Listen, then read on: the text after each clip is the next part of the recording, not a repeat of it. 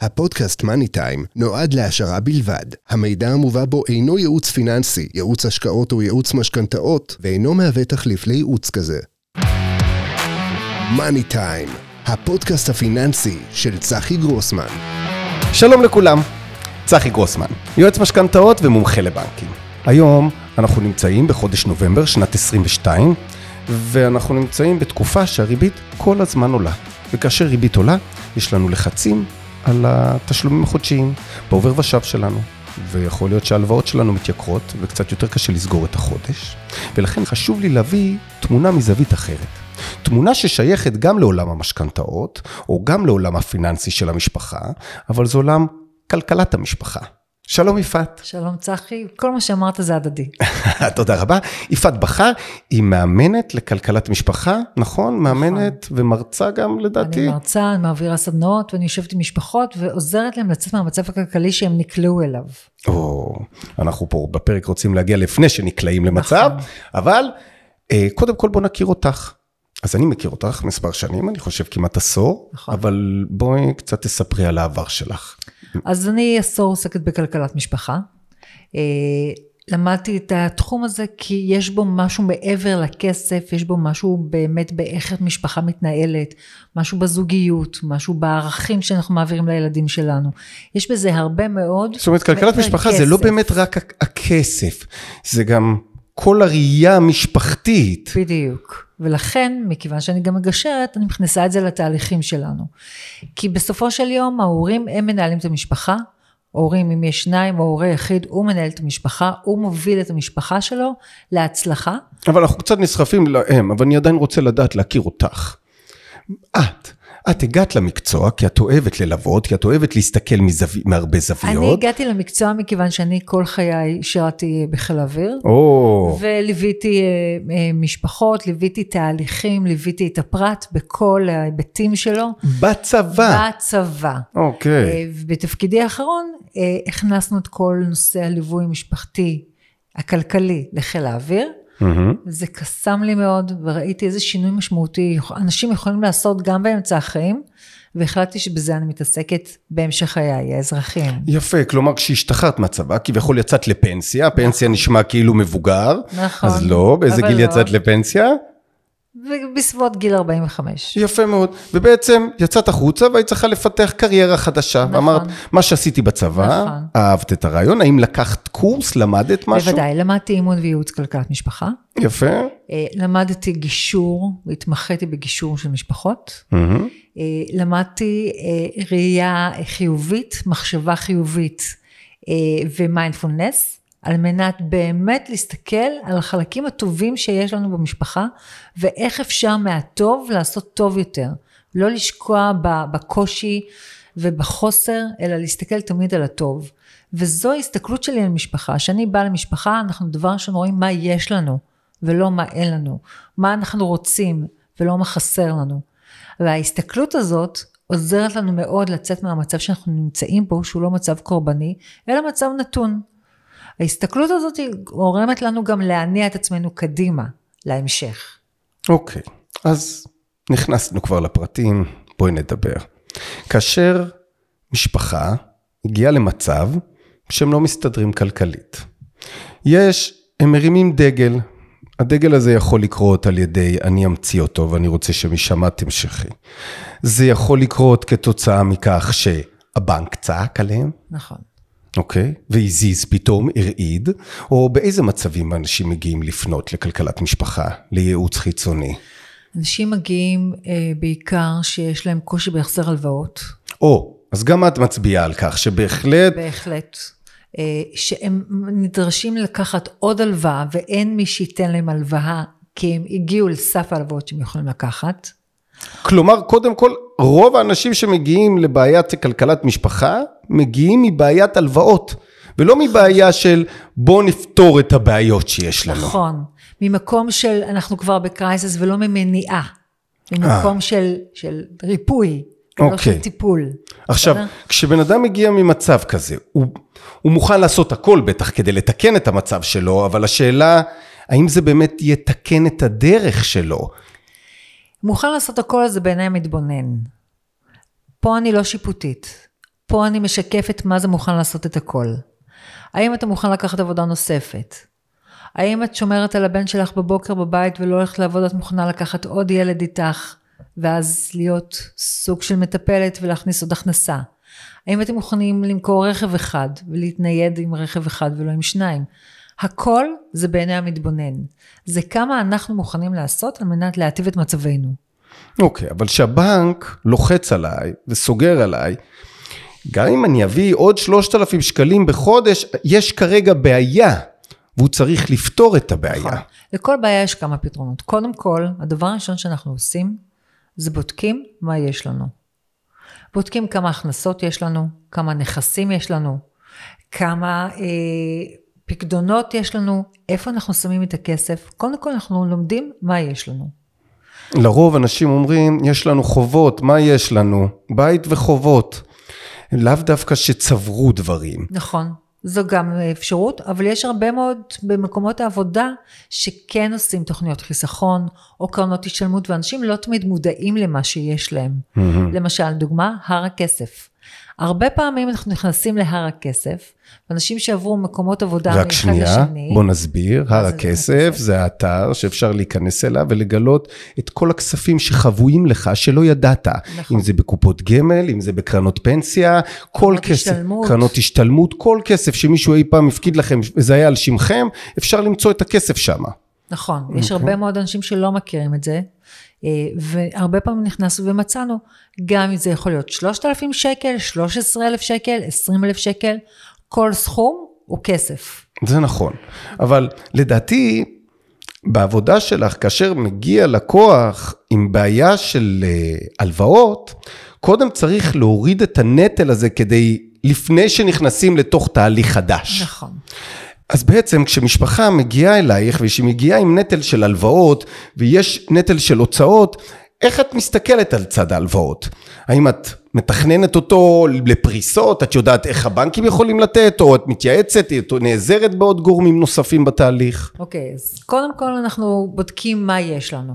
איזה הלוואות יש לנו, כמה ריביות משלמים כל הלוואה, מה פריסת ההלוואות, לכמה זמן, מה ההחזר החודשי. ואז אחרי שאנחנו יודעים כמה מחזירים כל חודש, עוד כמה זמן זה נשאר, וכמה ריביות יש לנו בחודש, פה הרבה פעמים שיתפנו פעולה הרי. איך למשל? בדקנו האם יש משכנתה, אם אפשר לקחת הלוואה לכל מטרה, שהיא בריבית טובה יותר מהלוואות שיש להם. ואז אנחנו לוקחים הלוואה אחת גבוהה יותר, ארוכה יותר, אבל ההחזר הכספי שלה הוא טוב יותר למשפחה, ואז יש להם הכנסה פנויה. יפה מאוד. בעצם, מה שאמרת כאן זה בדיוק מה שרציתי להסביר, שאת השיתוף פעולה בכלכלת משפחה ליועץ משכנתה הוא שיתוף פעולה שהוא חובה בעיניי. משום שלרוב הפתרון שהגיע, ההצהרה שהגיעה אליו המשפחה, הפתרון שלו נמצא אצל יועץ משכנתה. אז יועץ משכנתה מצד אחד יכול לעזור ולסדר את התזרים, כדי אם חסר למשפחה. אבל התפקיד שלך ככלכלת משפחה היא להבין כמה חסר לנו. נכון. אחרי שיושבים עם תזרים של הכנסות, הוצאות והלוואות, מגלים חוסר מסוים חודשי. חוסר ב-5,000 שקל חודשי, חוסר ב-2,000 שקל חודשי, חוסר ב-1,000 שקל חודשי. ולפי זה, עם הנתון הזה, אני כיועץ משכנתה יכול להשתמש בצד השני ולהבין, אוקיי, אז לא פריסה ל-20 שנה, צריכים פריסה ל-30 שנה, אז לא את המסלול הזה, אז צריך את המסלול הזה, אז לא את הכסף. בעצם, התפקיד של שנינו ביחד להוביל את המשפחה אל הפתרון, כי לדעתי, אם רק את תטפלי בהם, או רק אני אטפל בהם, הם יחזרו לאותו מקום. נכון, כי הרי עשינו כמה פעמים שיתוף פעולה עם הרבה מאוד משפחות, שכל משפחה קיבלה מענה אחר. משפחה אחת רצתה לסיים את ההלוואות מה שיותר מהר וההחזר החודשי שלהם התכנסו והביאו עוד עבודות אה, ועוד הכנסות והמשפחה עזרה ואתה עזרת לי בעצם לתת להם הלוואה דרך המשכנתה שהיא פתרה להם את הבעיה בחמש שנים. אבל היו משפחות שאמרתי לך צחי אין להם החזר גבוה אנחנו צריכים לפתור להם את, המשק... את ההלוואות ב-20 שנה הקרובות. ואתה נתת לי פתרון ארוך טווח ולא מיידי. ולכן אנחנו צריכים לדעת מה המשפחה יכולה, מה היא מסוגלת לעשות, איך היא מסוגלת להרים את עצמה על מנת לתת לה את המענה המדויק, ופה שנינו נכנסים לתמונה בשיתוף הפעולה הזה. יפה, בעצם. ועכשיו בוא ניתן פרקטיקה. איך משפחה שמאזינה, ואף בנק לא מתקשר עדיין, אבל ההחזרים החודשיים מתחילים קצת לחנוק ורואים בעובר ושב שלא, שהמצב לא מיליון דולר, אבל אין עדיין צרות. ואני רוצה לתת להם כלים לנהוג קדימה. בואו נדבר כללי. אוקיי. כל... א', שיתוף בין בני הזוג. תהליך משפחתי הוא תהליך משפחתי. למשפחה יש שני מנכ"לים. לא מנכ"ל וסמנכ"לית, לא מנכ"לית וסמנכ"ל, יש שני מנכ"לים ושני מובילים. אבל לא כל משפחה מתנהלת ככה.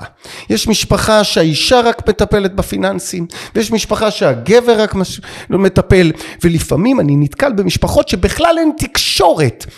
הוא לא יודע, הוא לא מעדכן אותה על הצרות, היא לא מעדכנת אותו על ההוצאות, לא משנה לאיזה כיוון, ואני לא בא להאשים את מי מוציא ומי מכניס, נוצר שבעיה קשה. כשאת מסתכלת על זה ויושבת עם זוג, מה את עושה עם הדבר? אז אני אומרת להם ששניהם הביאו את עצמם למקום הזה, מכיוון שאם אני ואתה לצורך העניין מובילים משפחה, ואני מנהלת את כל הפיננסים, ואתה לא מתערב, זאת הייתה החלטה שלך. אחת לקחת החלטה לא להתערב, זו גם החלטה. אבל אני לא מתערב לא... ולא אכפת לי, אני מבזבז מה שאני רוצה. אין בעיה. מה? אין בעיה. ואיזה דרך זאת? המשמעות היא שאתה לא תוכל לבזבז יותר מה שאתה רוצה, כי מישהו אחר יעצור אותך. אם אני באה ועוצרת אותך, סימן שיש איזושהי בעיה. אני לא רוצה לחכות למישהו שיעצור אותי מבחוץ. הבנק, חברת החשמל, המשכנתה תחזור, הצ'קים שלי יחזרו. יפה. כלומר, המהלך הראשון שבני הזוג צריכים להבין, שזה של שניהם קודם בדיוק. כל. אין פה בכלל, אין פה שאלה, זה לא יכול להיות מישהו אחד מוביל את התהליך. או, ולכן הצעד הראשון זה לנהל שיח בין בני הזוג, ולפעמים זה ממש קשה. ואני נתקלתי בזוגות שפשוט, אה, לא נפשית, לא רצו לספר, לא רצו להיכנס, כאילו שהצד השני התאכזב. איך זה קרה? כאילו לא היה שותף להוצאות וההכנסות האלה, כאילו מישהו הייתה פה בת יענה. אז הדבר הראשון שבני הזוג צריכים לעשות, זה לשבת ולהגיד, בוא נבדוק קודם כל את הנתונים. בלי שיפוטיות, בלי כעס. או, צעד הראשון, להניח את הכעס בצד. בדיוק. ולהוציא החוצה את האמת, אפילו לפני שפתחתם את החשבון בנק. נכון. את האמת רגע ולנקות את עצמכם ולהבין שאתם צריכים להיכנס לאיזשהו תהליך של שינוי, ונעשה אותו ביחד. נכון. הלאה. עשינו צעד ראשון, צ'ק. פתחנו את הכל. אנחנו רוצים לראות קודם כל מה יש לנו. כמה כסף נכנס לנו לחשבון בנק באופן קבוע. אנשים לא תמיד יודעים את זה. או, עכשיו רגע בוא נקרא לזה אנשים, בוא נקרא לזה את האמת. יש את השכירים. נכון. השכירים, לרוב המשכורת שלהם היא פחות או יותר אותו דבר. אני יודע שלמורים זה זז והם לא ממש יודעים כמה, המגזר הציבורי הוא יותר קשה אבל עדיין יש גבולות גזרה ברורים ובמגזר הפרטי המספרים מאוד מדויקים, אתה יודע כמה אתה הולך לקבל, בין אם זה בונוסים או בלי בונוסים אתה יודע כמה אתה הולך לקבל. הבעיה העיקרית עם העצמאים. עצמאים. עצמאים, אין להם מושג בכלל מה הם מרוויחים. נכון.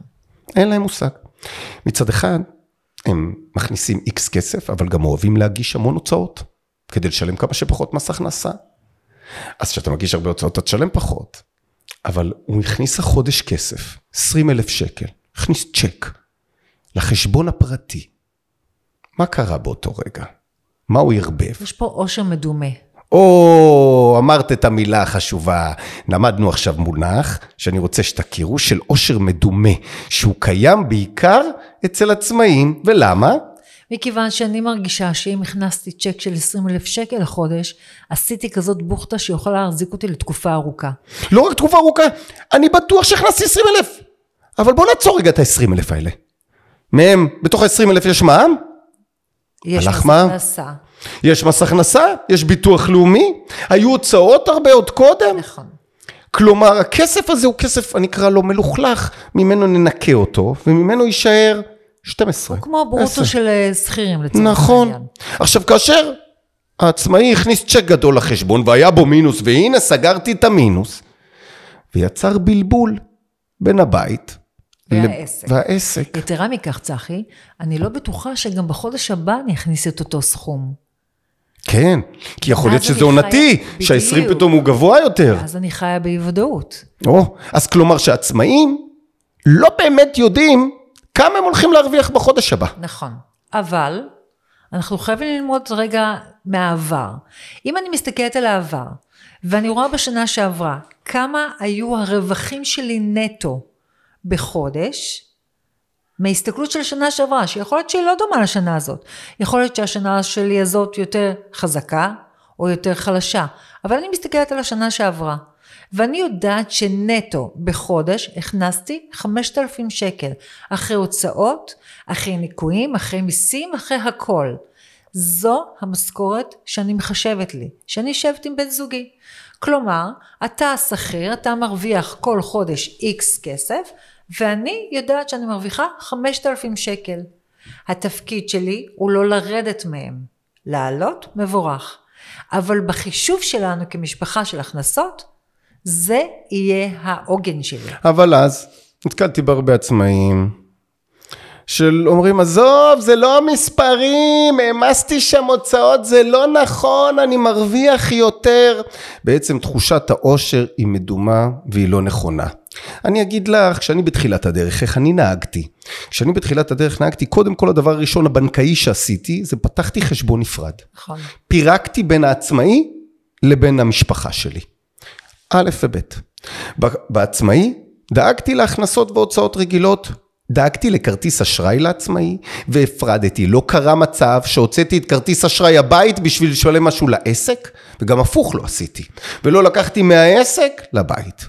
ישבנו אני ואשתי והסתכלנו והחלטנו תקציב. הגדרנו הכנסה, זה הייתה באותם ימים, אני זוכר, הייתי צריך להביא עשר אלף שקל הביתה. זה היה היעד. כל חודש קבענו שבעשירי לחודש, כמו שכיר, אני אעביר מחשבון העצמאי... לחשבון המשותף. לחשבון המשותף. כמו משכורת, כדי שהבית יתנהל. מה, הגן יחכה להכנסה? וזה נתן לי פתאום הסתכלות על העסק שלי שאומר, אוקיי, אם אין לי את העסק, את העשר הזה בסוף החודש, אז משהו לא בסדר בעסק שלי. אני צריך לעשות עוד פרסום, אני צריך לקדם, אני צריך לדחוף, אני צריך להביא כסף, כי המשפחה דורשת כסף. אני החלטתי תקציב עשר, אחרת אני צריך לתקן את התקציב. עכשיו ההשלכות אליכם חברים. לכם יש תקציב. התקציב שלכם זה ההכנסות שלכם. אם אתם שכירים, יש לנו, זה ברור מה התקציב. מהו התקרה שלנו. כשאנחנו עצמאים, החישוב נדרש עליכם הרבה יותר מחמיר. ואתם חייבים לשבת עם הרואה חשבון שלכם ולהבין כמה באמת אתם מכניסים. נכון. כי הבית צריך בהירות. מהו תקציב ההכנסות. כמה פשוט זה נשמע המשפט הזה, הוא לא כזה פשוט. וזה חשוב לייצר תקציב. ההכנסות. ועכשיו, מה הצד הבא? הוצאות. ההוצאות. כמה פשוט ההוצאות, נכון? הפוך. הכי קשה שיש. הוצאות איפה יורדות? אז אנחנו עושים אה? בהוצאות, קודם כל, אני שואלת את בני הזוג, מה הכי חשוב לכם במשפחה? החינוך, הבילויים, האוכל, ביגוד, העתיד, מה חשוב לכם במשפחה? על מה אתם רוצים להוציא את הכסף שלכם? זה ממש להוציא את בצד הפסיכולוגי על המהלך. בוודאי. זה כשיושבים איתך. בוודאי. זה מדהים, כדי להוציא את זה. אבל כשזוג יושב... הוא צריך לחשוב את זה לעצמו. זה קשה לדבב את עצמך. אבל בשביל זה אנחנו שניים, ואנחנו מנהלים עסק משפחתי. ומכיוון שאני יודעת שאני, כל יהבי זה לתת לילדים שלי את החינוך המיטבי, אני אמנע מדברים אחרים ואני לא ארגיש שאני מוותרת, כי אני ארגיש שאני שמה את הכסף על מה שאני רוצה ומה שחשוב לי. ולכן השינוי בתעדוף בהוצאות הוא הרבה יותר קל. אבל מה זה מה אני רוצה? פתחתי את העובר ושב שלי והתחלתי להסתכל. הסתכלתי על אה, כרטיסי אשראי, ששם יש המון בלאגן, תכף נרד לזה, הסתכלתי על ההוצאות המשתנות, על ההוצאות הקבועות. אז בואו נדבר רגע בצד ההוצאות הקבועות. בצד ההוצאות הקבועות יש לי משכנתה, נכון. יש לי ארנונה, נכון. יש לי חשמל, נכון. יש לי מים, יש לי גנים, בתי ספר, מזון, כל חודש אני אקנה מזון הביתה עם תקציב מסוים. אני מסתכלת על מזון כהוצאה משתנה. כהוצאה משתנה, לא קבועה? לא. סופר זה לא משהו קבוע שהמשפחה צריכה להוציא? משהו קבוע, אבל אתה אחראי על מה שקורה בו. כלומר, אתה יכול להחליט שאתה כל חודש בסופר מוציא 5,000 שקל, mm-hmm. אבל אתה יכול להחליט שאתה מוציא גם 3,000 שקל. כלומר, זה לא כמו חשמל. אבל זו תוצאה שאני אקרא לה קבועה לשנה הקרובה. אולי אני רוצה לסדר את זה ככה, למה? כי יש אנשים שפתאום אה, מחליטים שיש להם הוצאה קבועה לשנה הקרובה, כי הם רצו לקנות משהו, כי הם פרסו לתשלומים, כי משהו שהיה להם, וזאת הוצאה לשנה הקרובה. זה על הפרצוף כמובן. אין בעיה. אבל תחליט מה סדר גודל ההוצאה הזאת. כלומר, כלומר. שבתוך תקציב המשפחתי יהיה לי איקס כסף, שמוגדר להוצאות אוכל. או, לדוגמה, בסדר? עכשיו, אם החודש השתוללתי, בתקציב אוכל הלכתי גם למסעדות, זה קשור למסעדות? אני מפרידה תקציב המסעדות. יפה, כלומר... מסעדות ובילויים, תקציב אחר. או, ואז יש לי משפחה, למשל, שישנו, ואמרו לי שכל מה שמעניין אותם זה השיעורים הפרטיים של הילדים, יש להם שני ילדים מתבגרים, חטיבה ותיכון, כל מה שחשוב להם זה שיעורים פרטיים לילדים. אבל פתאום גילינו שבתקציב הבילויים, שזה מסעדות, וזה אירועים, וזה טיולים, וזה חו"ל, תקציב האירועים שלהם, וה, והבילויים שלהם, והמסעדות שלהם, הוא אה, אלפי שקלים בחודש. ואז אמרתי להם, האם זה מה שרציתם שיקרה? האם זה היעד המרכזי שלכם כמשפחה? אבל... ואז הם אבל מפנים זה מהת- הכיף של המשפחה, זה החיבור של המשפחה, זה, ה... זה הפינוק. אין שום בעיה. לפ... אני, אני, אני אומר לך את זה, יש לי לקוחות שממש עצו- אומרים לי, צחי, תן לי את המסעדה הזאת, תעזוב, אני, אני הולך. והיום מסעדה זה לא דבר זול. אז תהיה, תהיה שם עם עצמך.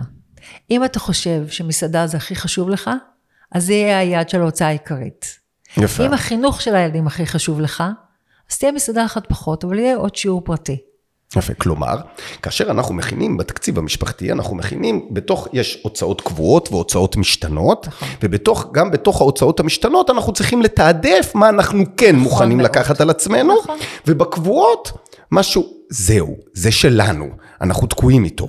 ולצערי הרב, בחודשים האחרונים, הרכיב הזה של הקבוע השתנה. נכון. פתאום המשכנתה קפצה, החשמל התייקר, המים התייקר, לא, המים אולי לא בטוח, אבל uh, הסופר התייקר, ו, וגרם להוצאות הקבועות שלי לחרוג. נכון, אבל אתה יודע מה קרה גם? נהיינו קצת אפאתיים. מתי פעם אחרונה בדקת את חבילת הכבלים שלך למשל? וואו, אנשים הפסיקו לעשות את זה. מתי פעם זה אחרונה... נראה להם כסף קטן. בדיוק. מתי פעם אחרונה הסתכלת על החבילת הגלישה שלך בטלפון? אני חייב להגיד שאני חוטאת, אני גם חוטא. ומתי פעם אחרונה בדקת תחנת דלק הזולה יותר במקום המגורים שלך? ויש היום המון אפליקציות שיגידו בדיוק איפה יותר זול. מתי בדקת כמה אתה משלם בסופר? כל הדברים הקטנים האלה, בדקת את הריביות שלך. כן, אבל סתם לדוגמה, חסר לי, אם ישבתי וגיליתי בתקציב, שבין ההוצאות להכנסות שלי, הפער הוא 5,000 שקל. אז הבן אדם מסתכל, אומר לי, אז בסדר, אז מה אתה רוצה, שאני אוריד את הקורנפלקס בסופר? איך אני סוגר את ה-5,000 שקל? הפער הוא ענק. לפעמים כשהפער הוא כזה גדול, אתה מזלזל בהוצאה הקטנה ובזה שאתה צריך להילחם. אבל בעיניים שלי זה שינוי תפיסה. נכון. זה בעצם להגיד, אם אכפת לי מההוצאה הקטנה, יהיה אכפת לי מההוצאה הגדולה, בדיוק. ואני אשנה מוד בחשיבה. נכון מאוד. זה בדיוק העניין. לשם אני מכוונת. אם חשוב לך עכשיו החינוך של הילדים, לשם אתה שם את כל יהבך. יהיה לך גם יותר קל לקחת עבודה נוספת. נותנת לך דוגמה, הבחירות שהיו עכשיו, כן. כל כך הרבה משרות היו זמניות ליום אחד, בתשלום באמת מכובד.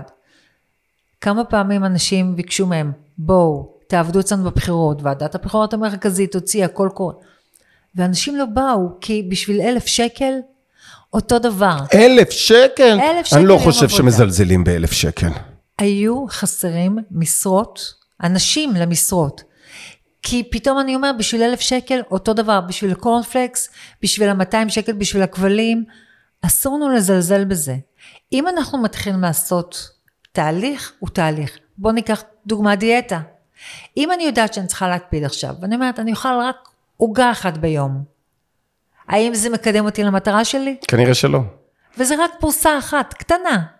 אבל אם את בדיאטה ואת במלחמה נגד משהו ואת רוצה לנצח את השומן, אז את לא יכולה להוסיף אקסטרה שומן אז לגוף. אנחנו בדיוק באותו מקום.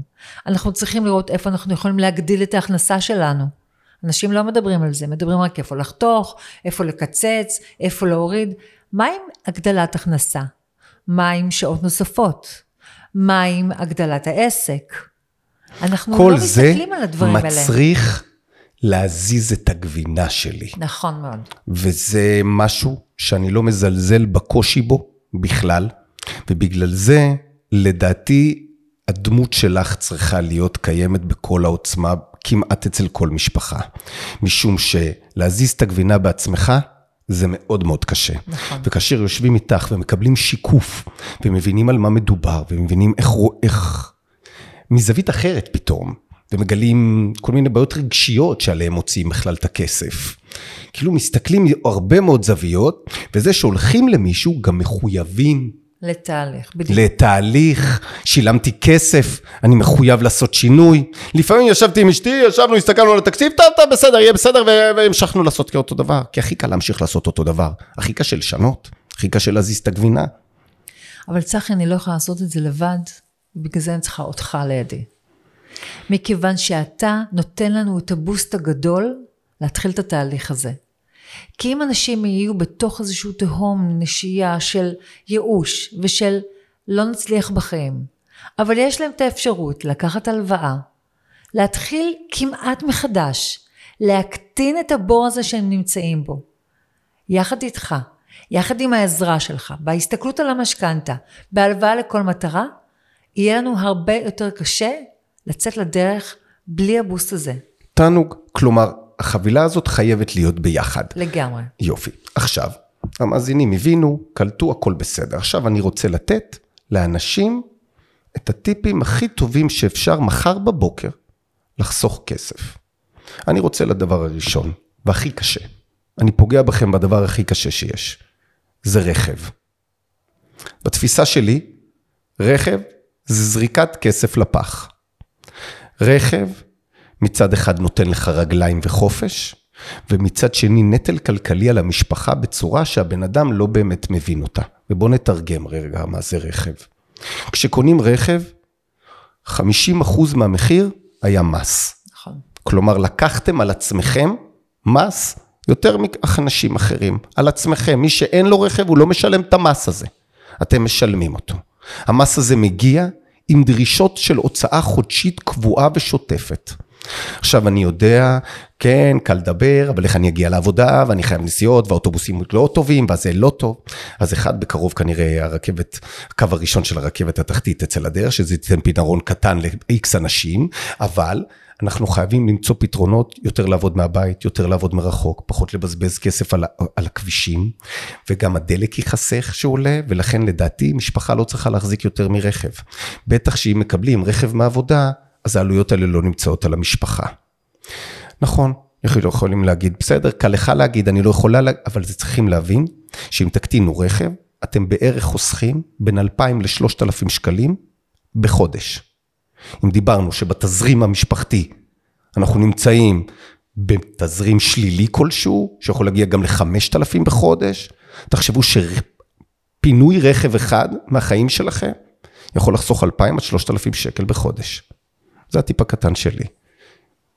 יש לך משהו בשבילנו? הטיפ הגדול שלי הוא לעצור רגע ולהסתכל. לא לחיות כל יום את המובן מאליו. לבדוק האם יש לנו שינוי בהכנסות, אם היה פתאום שינוי בהוצאות. להסתכל ולראות כל חודש, לעבור על כרטיסי אשראי, לעבור על העובר ושב, לבדוק מה נכנס לנו, מה יצא לנו, לשים לב לתנועות חדות, כי התנועות החדות האלה הן אלה שמתחילות להרים את הדגל האדום. אם אנחנו לא נראה אותו בקו התנועה שלו, הוא יונף, אנחנו לא נוכל לעזור. יהיה לנו הרבה יותר קשה לטפל במשהו שלא היינו ערים לו קודם. עכשיו, יש לך איזשהו אקסל שאת, שאולי אפשר לשתף את המאזינים ממי שרוצה, או שיפנה אלינו? בוודאי. או, אז יהיה כלי קטן, מתנה מאיתנו, אליכם. מי שיפנה, דרך אחד מהרשתות, מאיזה כיוון, ליפעת, אליי, ויגיד שהוא הגיע מהפודקאסט, יקבל אקסל, אקסל בסיסי, שבו יש אפשרות להכניס את כל הנתונים מהחשבון בנק שלכם, ולנתח בעצמכם. לקחת את המושכות לידיים, ולעשות צעד קטן. זה כבר יראה שאתם רוצים לעשות שינוי, אבל אנחנו נעזור לכם בצעד הראשון. ונדאג להפנות לכם את האקסל הזה. אני בטוח שמי שרוצה לקחת את זה רחוק, יש אפליקציות חזקות שיכולות לעזור לכם ולעשות. אבל מבחינתי, הצעד הראשון עם האקסל הפשוט, עם הלמלא את זה בעצמך, בדיוק. פתאום זה קופץ לכם. לקבל את הנתונים סתם, בסדר, אתה, דוחק את זה הצידה, אבל כשאתה ממלא את האקסל ואתה קולט את זה שונה. המספרים, אתם חווים שינוי אצלכם. ולכן, אם יפעת את מאשרת לי, בשמחה רבה. איזה כיף. אז זו מתנה קטנה מאיתנו אליכם, שכל אחד מכם יעשה שינוי. אנחנו לקראת שנת 2023, זו תהיה שנה יותר קשה משנת 22. זו תהיה שנה שהריבית בה כבר גבוהה, זה יכול להביא את המשק למיתון, ויכול להביא פיטורים וקשיים בתשלומים. ולכן ככל שאנחנו נתכונן מראש, ונכין את החשבונות שלנו, ונעקוב, והידע יהיה לנו בראש, יהיה לנו קל יותר לנהל תיקון או שינוי, ולא ליפול. אז מה היה לנו כאן? תרשמו. יפעת מלווה משפחות לכלכלת משפחה, שכאשר הליווי של כלכלת משפחה דורש שיתוף פעולה בין יועץ משכנתה ומאמנת לכלכלת משפחה. כי יועץ משכנתה בא לפתור את הבעיה מול הבנקים, ומאמנת כלכלת משפחה בא לפתור את הבעיה שלא תחזור עוד הפעם. להציב את המראה האמיתית. איך יועץ המשכנתה ידע כמה לחסוך אם המאמן כלכלת משפחה לא ינתח, ולכן זה דברים שעובדים ביחד. לאחר מכן פרטנו בפניכם איך מתחילים תהליך. התהליך מתחיל באלף, שיחה בין בני הזוג, ב', הבנה מה ההכנסות שלנו, בדגש על העצמאים, והצורך שאולי לפתוח חשבון בנק נוסף, להבין מה ההוצאות שלנו, לחלק את ההוצאות בין משתנות לבין קבועות, להבין מה יותר חשוב לנו בסדר הערכים שלנו, לדרג אותם, מה מותר לי להוציא ומה אסור לי, כדי לייצר תזרים שהמשפחה תנוהל תקציבית נכון. בדבר הזה גם צריך לייצר חיסכון. ואפשרות לצמיחה קדימה, עוד לא נכנסנו לחלק הזה, כי כרגע אנחנו מדברים על עזרה למשפחה, אבל זה גם יכול להביא גם רצון לצמוח. ואיך אני חוסך כל חודש כסף, ולא מבזבז. ולבסוף נתנו מספר טיפים, שמבחינתי הטיפ הכי טוב הוא שמחכה לכם אקסל. אם רק תפנו אלינו ותקבלו אקסל לניהול כלכלת המשפחה. כי גם אם אתם עושים את הצעד לבד ומנתחים ורואים את המספרים בעצמכם, אתם כבר לומדים הרבה יותר על עצמכם, מאשר שמישהו יעשה את זה בשבילכם. אז אם תרצו עוד טיפים ונושאים, גם אני וגם יפעת נמצאים כאן. ויפעת, אני רוצה להודות לך. תודה לך על כל העשור הזה של משפחות שיצאו באמת ממקום קשה למקום הרבה יותר טוב. איזה כיף לנו. אז תודה רבה לך ולכם, למאזינים. שיהיה בהצלחה. להתראות.